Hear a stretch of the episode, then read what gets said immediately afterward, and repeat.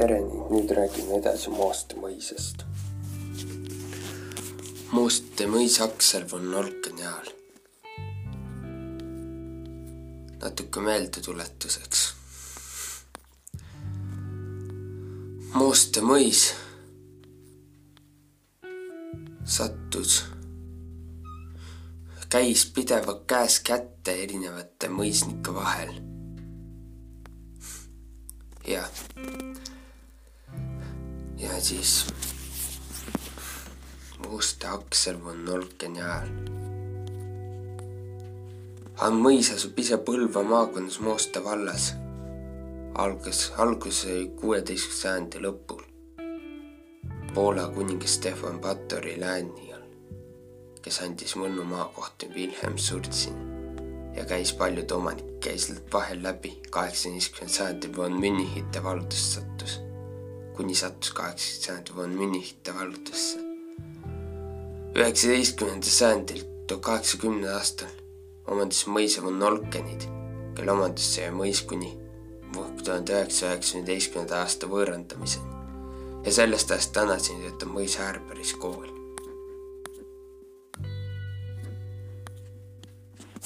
jah. nüüd see on, nüüdseks oleme jõudnud selle ajani, kui Mooste mõis sai Aksel von Nolkeni kätte sattus. Mooste Aksel von Nolkeni ajal. nii. Gustav Fromhold von Nolkenit eelneva aja kohta. kuula eelmist saadet. Gustav Fromhold von Nolkenilt päris Mooste koos Kaagvere ja Lillesjärve mõisatega ta on vanuselt teine poeg, kaardiväeleitnant ja Liivimaa maanõunik parun Aksel Gustav von Nolken. kuues september tuhat kaheksasada nelikümmend kaks Roela kuni kakskümmend kaheksa veebruar tuhat üheksasada kaksteist Kaagvere. kolmekümne esimesel mail tuhat kaheksasada seitsekümmend kolmandal aastal sõlmitud abielust Emilia ja Elizabeth Alice von Wolfiga kahekümnes veebruar tuhat kaheksasada viiskümmend kolm Mõniste kuni tundmatu aastaarv. sündis kolm poega, tundmatu aastaarvu koht, kuupäev, kõike teada. püsivama elukohana helistas Aksel von Nolken Moostele Kaagveret. kirgliku jahimehena tuntud Aksel von Nolkeni rohkem kui nelikümmend aastat kestnud kirjavahetust sangaste krahv Friedrich Bergiga läbib punase niidini jahi temaatika. kui sõpradel on olnud muid asjaajamisi ja ning probleeme, püüti nende arutamist ikka ühendada ühiste jahikäikudega. sedapuhku kirjutas Nolken niimoodi Friedrichile. ja nüüd ma loen kirja ette. kallis Friedrich kõigepealt minu südamlik tänu sõbraliku kutse eest mille ma suure rõõmuga vastu võtan. ole nii hea ja anna mulle teada, millal ma peaksin sangastesse ilmuma. tuleb olla sõjaväeliselt täpne. kuna ma tegutsen järgmisel nädalal maal ja kuna Artur Knorring on kavandanud pühapäeval, kahekümne neljandal Meksis põdrajahi siis oleks minu jaoks kolmapäev, kahekümne seitsmes kõige mugavam päev Tsangastesse ilmumiseks ning kaks kuni kolm päeva kõikidele sõitudele ja nii edasi kulutamiseks. kuna ma pean sellel järgneval esimese detsembri nädalal maal olema. kui sul peaks seetõttu olema võimalik määrata kahekümne seitsmendas november kogunemispäevaks, siis oleks mul seda oivaline korraldada igatahes ole nii hea ja kirjuta mulle täpselt, kuidas see olema peaks ja adresseeri kiri nimelt Tartusse, kuna ma tulen siia tagasi. veel kord südamliku tänuga, see on täiesti ustav. A parun Nolken, Tartu, viisteist november tuhat kaheksasada kuuskümmend kaheksa. selline kiri kallis Aa, parun Nolken, Aksel parun. Aksel von Nolkeniga astus krahv Friedrich Bergi kutsele tema Lätis Valga maakonnas asuvas Sikšni, Sikšni, Valka maakonnas ilmselt, saksa keeles Vaukluse mõisas korraldatavale jahile. Aksenil Norkeli vastus on siis selline. kallis Friedrich, parimad tänud sõbraliku kutse eest, mille ma eile õhtul sain. mul, kes mind iseäranis kütkestavat jahti Vaukluses väga hindan, on kahju, et ma sel korral tulla ei saa. ma olen aga pärast pikka eemalolekut krediitkonvendis Riias tagasi koju jõudnud, kus oli ja on alati tarvis palju kuhjund lõpule viia. Ning lisaks sellele ootan neil päevil äritehingule oma metsaostjat. veel kord tänades ja parimate tervitustega, sinu ustav Aksel Nolken. Mooste, kolmekümne esimene oktoober tuhat kaheksasada üheksakümmend kuus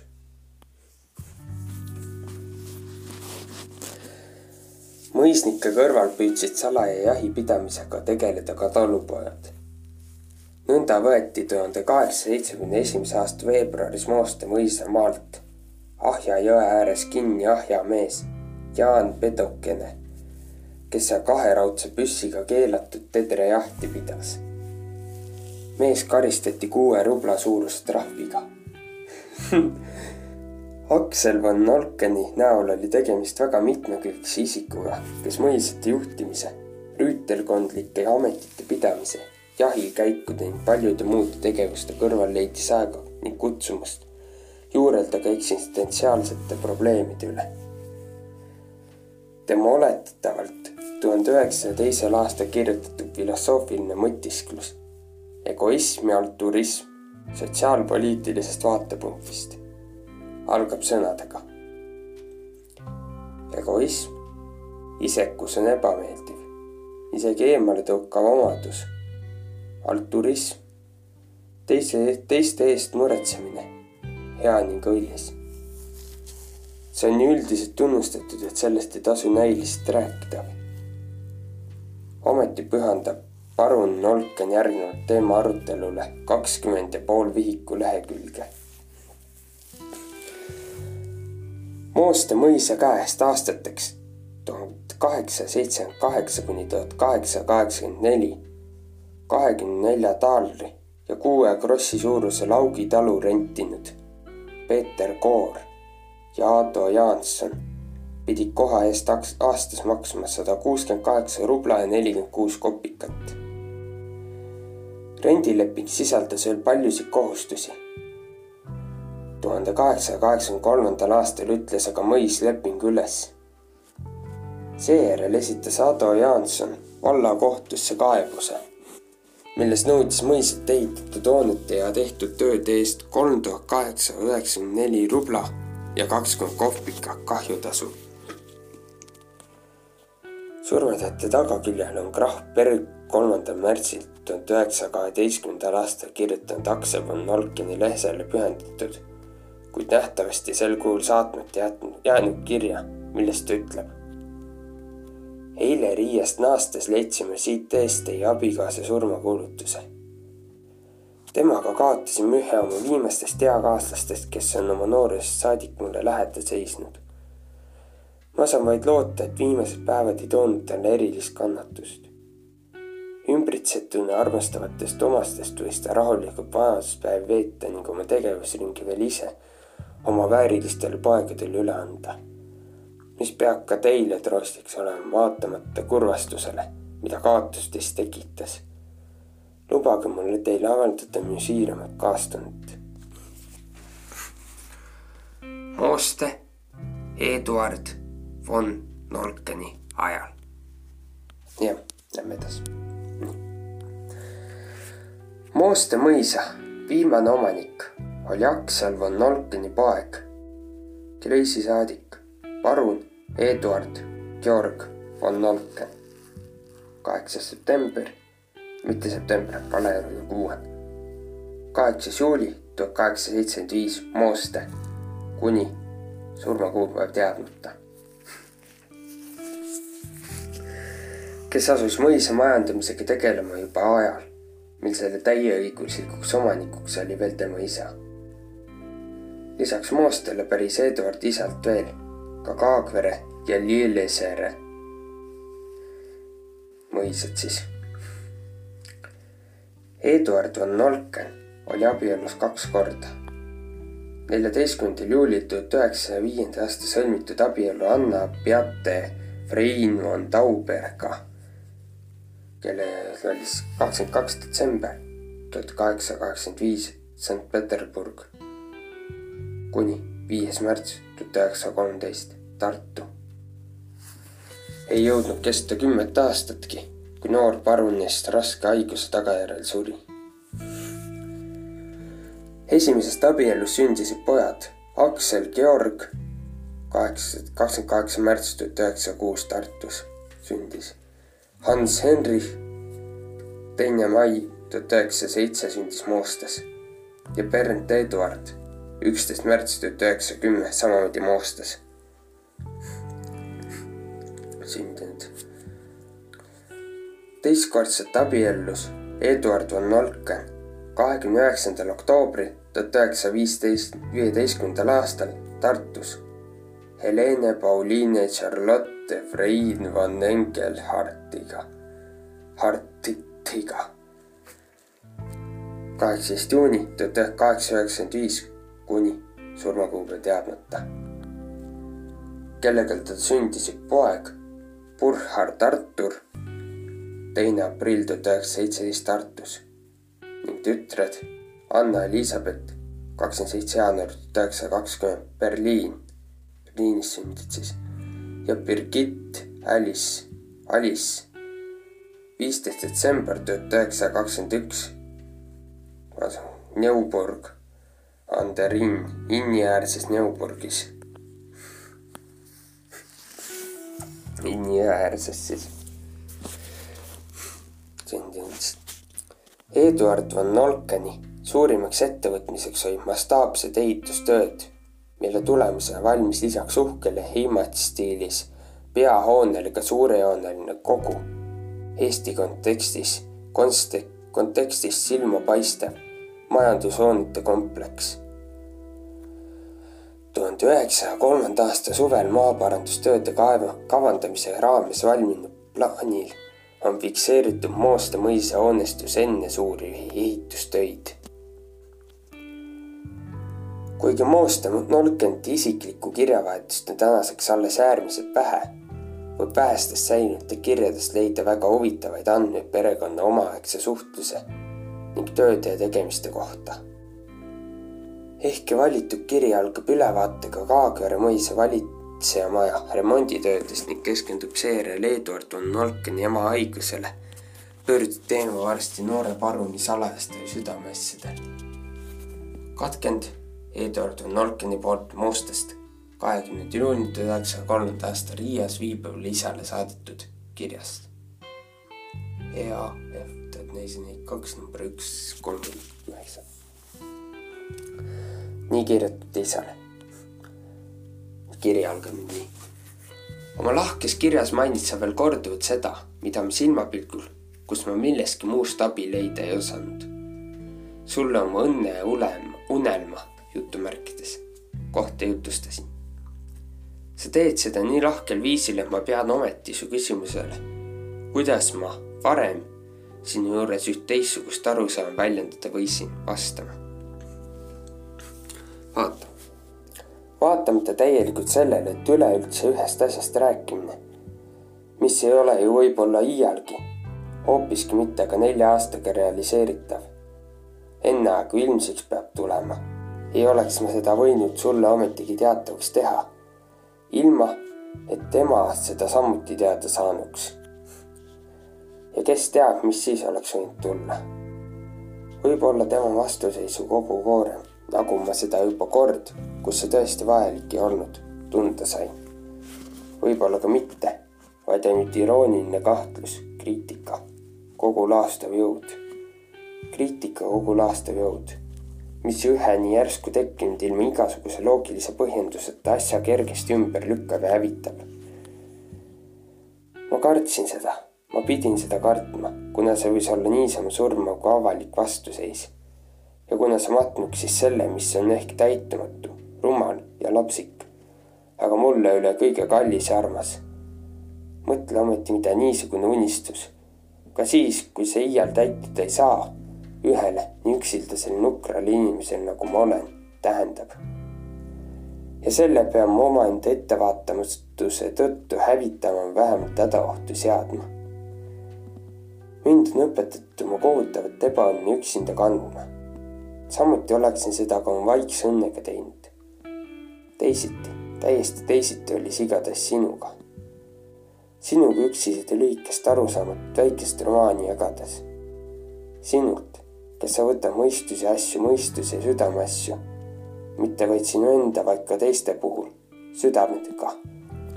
ei oleks ma selle isaliku armastuse headuse määra juures, mis sa oled mulle just viimastel aastatel kinkinud, tohtinud ühtegi teist vastust oodata. aga see silmapikk ei paista mulle veel tõesti kätte jõudnud olevat. nii, seetõttu, et neli aastat on ka liiga pikk aeg, neli aastat on liiga pikk aeg, kui ka seepärast et saatus on meile juba kord nii raske katsumise valmistanud. et mulle näib vale ning egoistlik sind mul veel selleks nii kaugele asuvat, kaugel asuvate plaanidega hõivata. suunas ei või ju veel aastatega midagi, mitte midagi juhtuda. selle mõtte täitumise vastu räägib tuhat ja üks võimalust ja kahjuks suur tõenäosuse puudus. niisiis milleks rääkida sellest isegi sulle, kes sa oled mulle kogu maailmas kõige lähedamal, lähemal seisvam ja kallim inimene. nüüd muidugi, kus olen siiski lõplikult ja kindlalt su arvamusega tuttav ning veel seejuures tean, et see kõik on sulle meeldiv mõte, rõõmustan ma hetkel vaid, et see on avaldatud ja see nüüd ka seda mu enda jaoks küllaltki kummalise südame salajasemat laegast tunned. Ma usun aga ja loodan, et kui sa seda neliteist, neljateist või viieteist aastast tütarlast ja nimelt tema silmade ning kogu näo võrratut ilmet täpselt näha saad, leiad sa selle veel võrreldavamana, et su kaalutlev aeg on jõudnud millegini, mis mõistusele arusaamatuks jääda võib. millenigi. truus armastuses su kätt suudeldes, sinu poeg, Edi. selline kiri oli siis. Eduard von Olkeni valiniku Engelharti poolt ajutise rekvireerimise ja sõjakahjude hindamise komisjonile saadetud palves teatatakse, et tuhande üheksasaja üheksateistkümnendal, tuhande üheksasaja kahekümnenda aasta talvel, tuhat üheksasaja üheksateistkümnendaga, kui tuhat üheksasaja kahekümnenda aasta talvel on punased Mooste mõisale tekitanud kahju kokku viiesaja üheksakümne viie tuhande kaheksasaja üheksakümne marga ulatuses, mille eest taotletakse hüvitist. pärast Mooste mõisa riigistamist taotles Saksamaale siirdunud Eduard von Nolkeni volinik Nolkenite perekonnale mõisast maa, mõisast maakrunti millega kohalik vallanõukogu heaks kiitis. kuuendal mail tuhat üheksasaja kahekümnenda aastal arutas aga asja Võru maakonnavalitsus ning otsustas Nolkenile maad mitte anda, kuna ta isiklikult kohal ei viibinud. ehkki mitmed endised mõisnikud säilitasid tollal lausa mõisa südameid ning jäid elama Eestisse, pidi aga Nolkin järgnevalt loobuma lootusest säilitada kas või tükikesegi maas, maad mõisast mille hoonete ansamblide vahelt enne Esimese maailmasõja puhkemist silmatorkavalt suurejooneliselt välja ehitas ning selle seeläbi Eesti mõisate ajalugu kirjutas.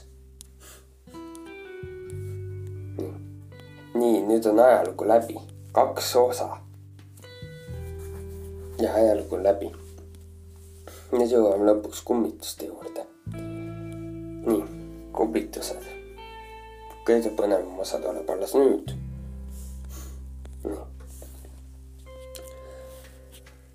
saade Eesti kummituse keskendus hüpoteesina, kui saaks Põlvamaal asuvas Mooste mõisa kummalisi juhtumeid seletada seal eelmise sajandi alguses tapetud noorhärra vaimuga. keegi liikuvat ringi valgesse riietatuna kustut-, kustutab omatahtsi tulest ja avab uksi. praegu asub hoones põhikool ning õpetaja Ülle rääkis, kunagine mõisapere, pere armastas jahil käia ning ühel jahikäigul leiti surnud vanem perepoeg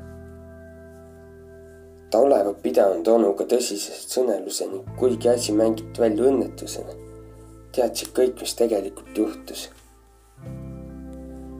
samuti küsitleti vallavanem Ülo Needet, kes pole vaimu küll ise näinud, kuid rääkis juhtumist, kuidas see seisis ees rühmal teatrilaagris viibijatel. oma kogemust rääkis naine, kes käis kümme aastat tagasi üheks õhtuks koristajat asendamas lahkuma hakates kustutas kõik tuled, lukustas uksed ja hakkas kodu poole kõndima. umbes saja meetri pärast vaatas ta millegipärast tagasi, nägi, et tuled põlevad. ta pöördus tagasi ja avastas jubedusega, et uks, mille enne kindla, kinni pani, oli lahti. ta kustutas uuesti tuled ära, kuid eemalt tagasi vaadates põlesid need jälle, enam tagasi minna ei julgenud imelikke juhtumeid tunnistasid ka maja restaureerinud töömehed ning mõisas kaua aega töötanud koristaja kirjeldas, kuidas mingi seletamata jõud ämbrit kapist välja loopis. poltergeist. see on poltergeist. ainult tema suudab asju loopida. üks tütarlaps olevat maja trepil märganud silmanurgast vanaaegses riietus torukübaraga meest äh, ta mõtles, et miks nii naljakas kostüümi haatas uuesti. see polnud hingeliski. see oli kummitusse torukübaraga mees. saate tegija pani huvi, pani tuvi pärast üheks ööks üles mõned kaamerad. midagi ebatavalist neid ei salvestanud, kui mitte arvestades seda, et keset ööd jalutas koridoris vallavanem Ülo hele õlsist üll, üle, üle pea, jah räägitud seda, mida on räägitud, kui need on tõsi, siis seal on midagi. vana aega riietus torukübaraga mees äh,. Äh, mis see on, varjunud see ei ole. kinni jäänud hing äkki äh,. kes ta võiks olla? mingi von Olkenitest keegi? mõni parun von Olken või hoopis tema tunnistaja, äripartner. töömehed, mingi seletamatu jõud ämbri kapist välja loopis. see on poltergeist, see ei saa muu olla.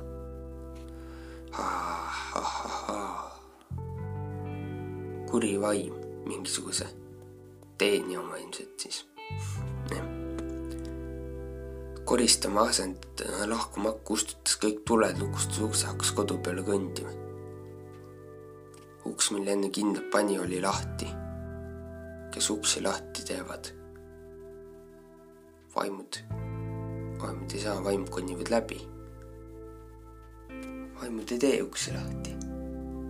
hinged ei tee kindlasti ukse lahti, vaimud ka ei tee ju poltergeist liigutab asju, kes teeb uksi lahti ja kolistab, poltergeist ongi, ongi poltergeist ju. tema on ainult, kes uksi lahti teeb. kustus tuled uuesti ära, kui teemalt tagasi vaadates põles neid jälle. ja peab põlaka põlema. vaimud selliseid asju ju ei tee. okei okay. ja pakun välja, et seal sees on mitu entiteeti on poltergeist, on vaimud. entiteet on olend siis. jah. poltergeist on mõned vaimud, üks on, mõned ilmselt on mingi parunite, parun on Nolkeni või nende poegade või naiste vaimud või siis Nolkenite vaimud või, või siis on Nolkenitest varem elanud Engelbertide vaimud. jah selleks korraks ma lõpetan ja nüüd ma lõpetan üldse sellega ära, Mooste mõisaga. tšau.